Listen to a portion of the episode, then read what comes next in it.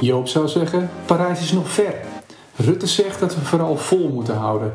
Het leven in het coronatijdperk en vooral ook met corona. Dit is de Porremoor Shortcut podcast. Hoe worden we beter?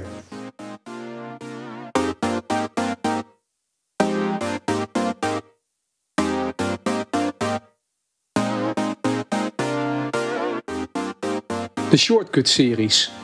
Omdat we op zoek zijn naar fundamentele principes en de koninklijke route. Maar ook naar slimmigheidjes.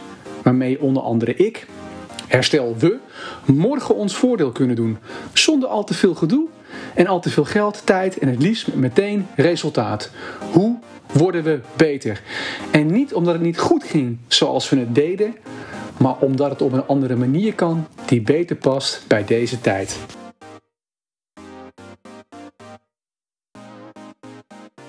Mijn naam is Mark Kultjes en voor deze serie een vaste gesprekspartner. Aan de andere kant van de lijn daar hangt hij, de man die overal een leermomentje uithaalt, Robert Hulsman. Robert, je hebt het net gehoord. In deze serie maak jij onderdeel uit van het meubilair. Iemand die er altijd is. En in de eerste aflevering vertelde je wat je zo interessant vindt in aanbestedingen. Zo interessant zelfs dat je een onderzoek naar diverse aanbestedingen in de openbare ruimte hebt uitgevoerd. En hieruit zijn enkele conclusies getrokken. Als luisteraars die nog een keer willen horen, check dan vooral aflevering 1 van deze serie. In de vorige aflevering heb je, heb je jouw vragen verteld die resteren en hebben we verteld wat de thema's zijn rondom deze vragen.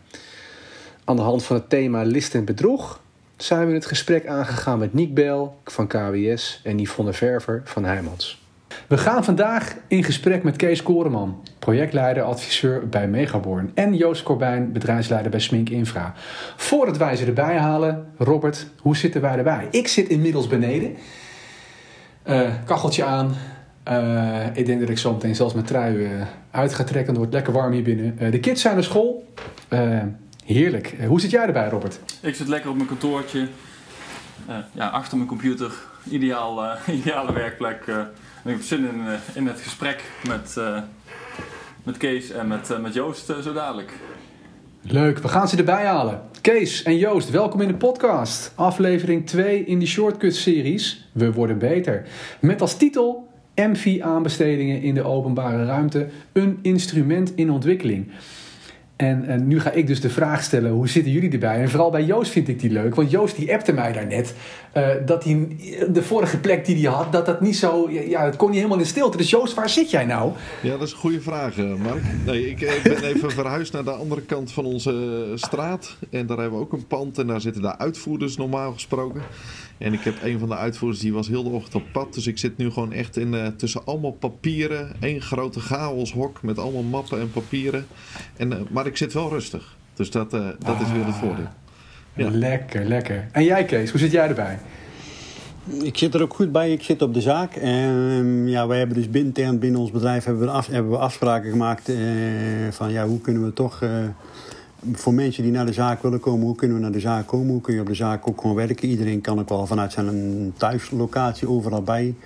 Alleen ik vind het altijd wel makkelijk om toch even naar de zaak te gaan. Want ja, daar ben je toch net even wat beter gefaciliteerd. Word je nog wat minder gestoord dan dat je thuis werkt. Mijn vrouw die werkt ook thuis.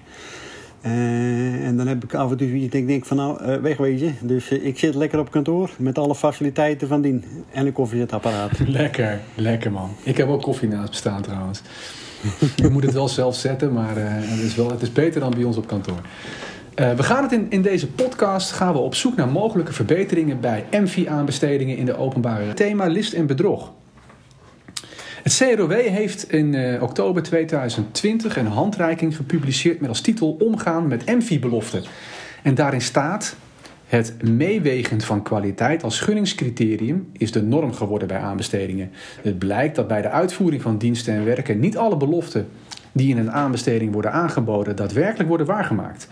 Er worden handreikingen geboden en het rapport laat per fase, contractfase, uitvoeringsfase zien wat de oorzaken zijn en wat maatregelen zijn om die oorzaak weg te nemen. Het beschrijft wellicht wel een, een utopia, waarbij als iedereen alle maatregelen uitvoert, er geen problemen meer zijn en alles goed gaat. Maar wordt hier de werkelijkheid niet vergeten? En uh, dat is meteen een, een, een kleine uh, zinspeling richting de aflevering onder de titel van, deze, van dit thema, list en bedrog. vandaar ook mijn eerste vraag.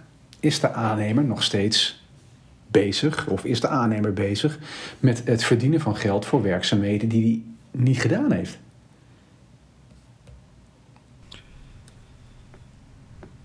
Toen bleef het even stil, maar uh, ik, ik, haak er even op in, uh, Mark. Ja, mooi. Jij bent ook de aannemer hier, dat is het ja, daarom, hè? Ja, daarom. Ja. ja. Nou ja, uh, mijn eerste gedachte bij list en bedrog, wat dan boven komt in, in, in relatie met de aanbestedingen, is uh, dat er niet bewust list en bedrog wordt gepleegd. Um, ik denk dat het in een andere, ja, in een andere context geplaatst moet worden. Met, met de aanbestedingen, met de Envy, worden allerlei uh, beloftes wel in het plan opgenomen.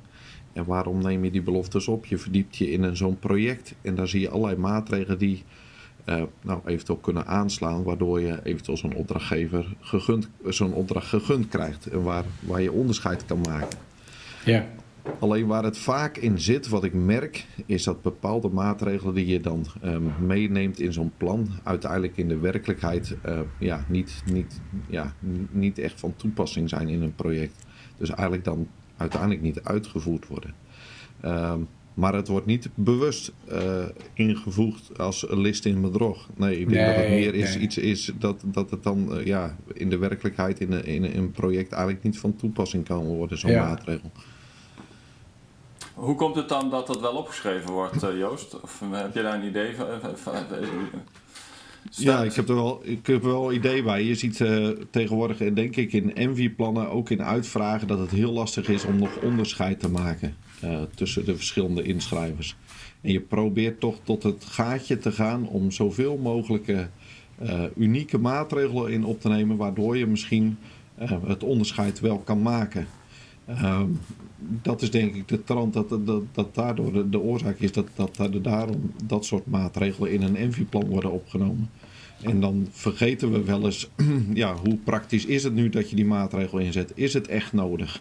Um, dus het heeft indirect ook alweer met de uitvraag te maken die je voorgeschoteld krijgt. Ja, dus je, je geeft antwoord op de MV-vraag en omdat je onderscheid wil maken, bied je eigenlijk meer aan, hoor ik jou zeggen, dan je eigenlijk nodig hebt voor een goede uitvoering van het werk.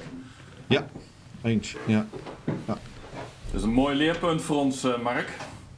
En voor Kees denk ik ook. dat, ja. uh, want het is volgens mij nooit de bedoeling.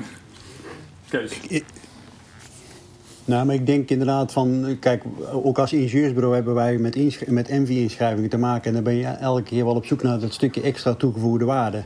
Alleen ik ben het ook wel met Joost eens van de kunst is om dan ook al bij gedurende projecten te gaan kijken... Van, ja, is dit stukje extra toegevoegde waarde wat ik nou uh, bied of wil bieden of heb aangeboden... Um, past dat op dat moment nog bij uh, hetgeen waar je mee bezig bent? Hè? Noem het maar even het voortschrijdend inzicht binnen een project. En het daarover ook in een gesprek met elkaar willen gaan van joh, dit hebben we met elkaar, of dit hebben wij beloofd, dit hebben we met elkaar afgesproken, dit is uh, onze MV-invulling geweest, maar uh, is dat nu nog een MV-invulling die past ja. uh, bij het beeld wat we er nu allebei bij hebben? In plaats van dat je maar strak uh, bezig blijft met elkaar houden aan afspraken die op een gegeven moment ja, hun doel misschien wel voorbij schieten. Ja, ja. Ja, ja. Dat dat, dat, met elkaar in gesprek blijven, dat klinkt, dat klinkt logisch. Maar is, zit daar ook, ik hoor Kees uh, zeggen, hij is op zoek naar uh, extra toegevoegde waarde. Het eind van zijn zin zegt hij, zijn doel voorbij schieten. Zit daar dan ook niet de contradictie dat we, dat we in de MV misschien te veel op zoek zijn naar extra toegevoegde waarde? ten opzichte van wat eigenlijk nou de bedoeling was, van waarom vragen we eigenlijk die dingen? Dus zou, het, zou je die bedoeling niet kunnen bereiken met minder en zou dat dan niet moeten worden beloond? Dus dat is op een andere manier insteken dan meer is beter. Hè, want dat is een beetje de, de trend die ik een beetje uit de, verhaal, uit, uit, uit de Joosten verhaal lees en uit Kees uh, ja. tussen de regels lees. Ja. Dat we op zoek gaan naar hoe krijgen we nou minder. Uh, wat precies genoeg is voldoende. En dat is goed. Ja, maar dan heb je daarna natuurlijk weer als inschrijvende partij ga je dan toch eens te kijken, ja, maar hoe kan ik dan toch net even dat onderscheid maken? Ja. Ja, dat is wat je doet. Ja, ja, ja, ja. ja, Zou dat dan niet zijn in uh, de MV, de kosten voor de MV omlaag brengen, of in ieder geval precies voldoende, en, de, en dus minder kosten maken in het werk zelf? Uh, dus, dus uh, de prijs-kwaliteitsverhouding die moet in balans zijn.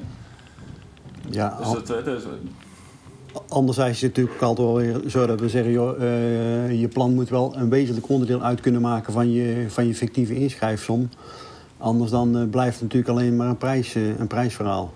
Nee, dat klopt, maar dat kun je natuurlijk altijd doen door de beoordeling. Hè? Want als, als Joost kan aantonen dat wat hij doet precies genoeg is... dat doet hij op een hele goede manier, krijg je een hoog cijfer... Hè? En daarmee is hij onderscheidend ten opzichte van de ander die dat wat minder goed kan aantonen. En die zegt, ik heb allemaal dit soort dingen nodig, maar ik kan niet vertellen waarom hij het nodig heeft. En dat kun je dat onderscheid natuurlijk ook maken in, in kwaliteitswaarde. Ik denk, denk dat het ook uh, uh, begint wel met. Uh, ik zie best wel veel verschillende type uitvragen qua envy. En um, voor mij is het altijd heel fijn als er heel duidelijk de, de, de, de doelstellingen weergegeven worden in een uitvraag. Dus door hoofddoelstellingen, soms zitten er nog wat subdoelstellingen onder. Um, als daar, je merkt al dat een opdrachtgever daar goed over nagedacht had. Wat is nu echt de essentie van dit project? En als je die hoofddoelstellingen goed omschreven hebt als opdrachtgever, um, dan uh, ja, zorg je er eigenlijk voor dat de aannemers ook meer naar die hoofddoelstellingen of daar rondom blijven hangen. En je ziet soms ook wel eens uitvragen waar die doelstellingen vaak een beetje uit de kast getrokken plan zijn. Gewoon een stukje basis wat ze voor elke uitvraag hanteren. En dan gaan ze er allemaal omheen allerlei dingen erbij halen. Ja, die misschien eigenlijk helemaal niet van meerwaarde zijn voor dit specifieke project. Dus het begint echt ook met die formulering van die, ja, die hoofddoelstellingen zeg maar, voor een project. Wat, waarom heeft de opdrachtgever deze uitvraag nu? Wat is nu de essentie van dit project?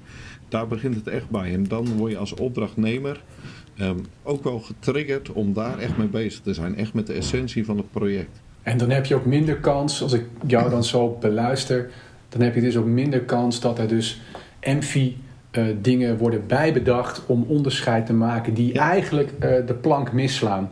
Ja. Ja. Heel, ja, ja, ja, ja, ja, ja, ja. Mark die haalde in uh, het inleidende verhaal van deze podcast aan list en bedrog. er is een publicatie geweest, de Waarborgen MV-belofte. Kees, als je in, in die Uh, handreiking wordt een enquête aangehaald waar, uh, waarin zij uh, hebben onderzocht dat, ja, dat 65% van de beloftes min of meer waargemaakt worden, of grotendeels waargemaakt worden, en 27% grotendeels niet. Kunnen we dan eigenlijk wel spreken dat, over list en bedrog en dat, de, eigenlijk het overgrote deel wordt gewoon waargemaakt volgens die enquête? Is, hebben, we dan, hebben, hebben we eigenlijk wel een probleem? is er wel list en bedrog? Hoe zie jij dat, Kees? Mm, ik denk inderdaad niet dat er list en bedrog is. Ik denk dat het vaak meer voortkomt uit het feit van... Uh, um, ja, wat ik er net eigenlijk al aangegeven een stukje voortschrijdend inzicht. Van, uh, past hetgeen wat je allemaal beloofd hebt op dat moment nog wel ja. bij het project? Of bij, de uit, of bij de uitvoeringswijze of bij de fase waar, waarin je binnen dat project zit. Dus ik denk de hoofddoelstellingen die je aangeeft, die, uh, dat zijn sowieso natuurlijk zaken waar je vast blijft houden. Alleen ja, noem het maar even dat stukje fine-tuning wat je daar soms binnen een project wel uh, met elkaar uh, tegenaan loopt. Van ja, dan heb je het over nut en noodzaak en heb je het dan over het, het vasthouden aan beloftes. of inderdaad het met elkaar in gesprek gaan. Van ja, dit hebben we destijds beloofd, dit hebben we destijds met elkaar afgesproken. Dit zijn eigenlijk de, de uitgangspunten waar we elkaar aan zouden moeten houden. Maar in hoeverre, ja, is dat nou nog uh, Hoe concreet moet je dan eigenlijk je MV uh, maken? Want hoe, hoe concreter je hem maakt, hoe groter de kans er is dat je er vanaf gaat wijken. Nou, ik denk, het, begint natuurlijk met het goed nadenken over. En dat begint dan bij ons, of niet? Dat begint dan bij de opdrachtgever. Wat willen wij? Dat begint, ja, dat begint bij de opdrachtgever. Anderzijds begint er ook bij, bij het adviesbureau ja, ja, natuurlijk. Van, ja, joh, wat is ja. binnen dit project natuurlijk... Uh, ja, wat is binnen dit project nou echt belangrijk?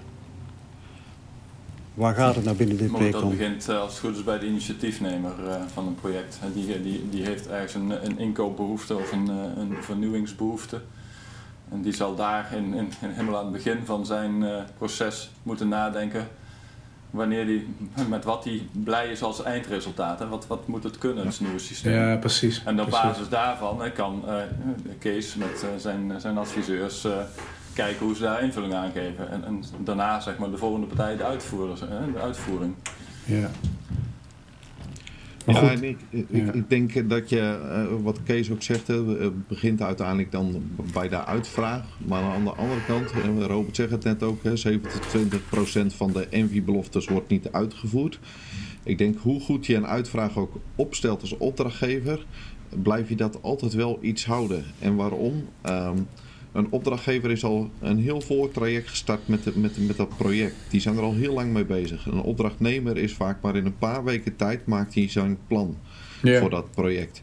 Ehm er kunnen altijd bepaalde achtergrondzaken niet eh, bekend zijn bij een opdrachtnemer, eh, waardoor er toch bepaalde beloftes worden meegegeven die niet uit te voeren zijn. En dat Ja. geeft op zich niet. Het gaat er alleen om, als je zo'n project dan aanneemt, ga dan met elkaar om tafel zitten. Ook wat Kees zegt, ga in dialoog met elkaar en neem het nog eens een keer met elkaar door. Wat is nu wel belangrijk en wat moeten we misschien gewoon achterwege laten? Ja. Ehm, ja, je moet daarover in gesprek gaan. Eigenlijk een soort concretiseringsfase, eh, ook gewoon bij een Envy-plan. Maar ik hoor jou ook zeggen van er is heel veel informatie aan de voorkant bekend bij de, opdracht, eh, bij de opdrachtgever. Die bij de aannemer, die het dan vaak in een korte periode, in zo'n tender van zes, zeven weken, Ja. daar een plan voor moet gaan maken. Eh, heel veel informatie is niet bekend. Moet de opdrachtgever dan ook gewoon meer informatie gaan geven? Nou ja, ik heb het één keer eerder meegemaakt dat een opdrachtgever eigenlijk voor eh, geïnteresseerde aannemers een soort eh startbijeenkomst organiseerde. Waarin ze Ja, eigenlijk een beetje de achtergrond meegaven aan een eh, opdrachtnemer. En soms is dat helemaal niet verkeerd. Als opdrachtnemer is dat soms best wel een beetje eng. Maar als Ja. opdrachtgever ook om aan de voorkant al een dialoog te starten. Maar soms is dat juist heel goed. Je proeft dan toch een beetje van wat is nu de achtergrond, waar zitten nu de pijnpunten in het project. En soms in een dialoog komt dat beter naar voren dan dat het allemaal op papier staat. Ja. En eh, ja, daar ben ik echt wel voorstander van.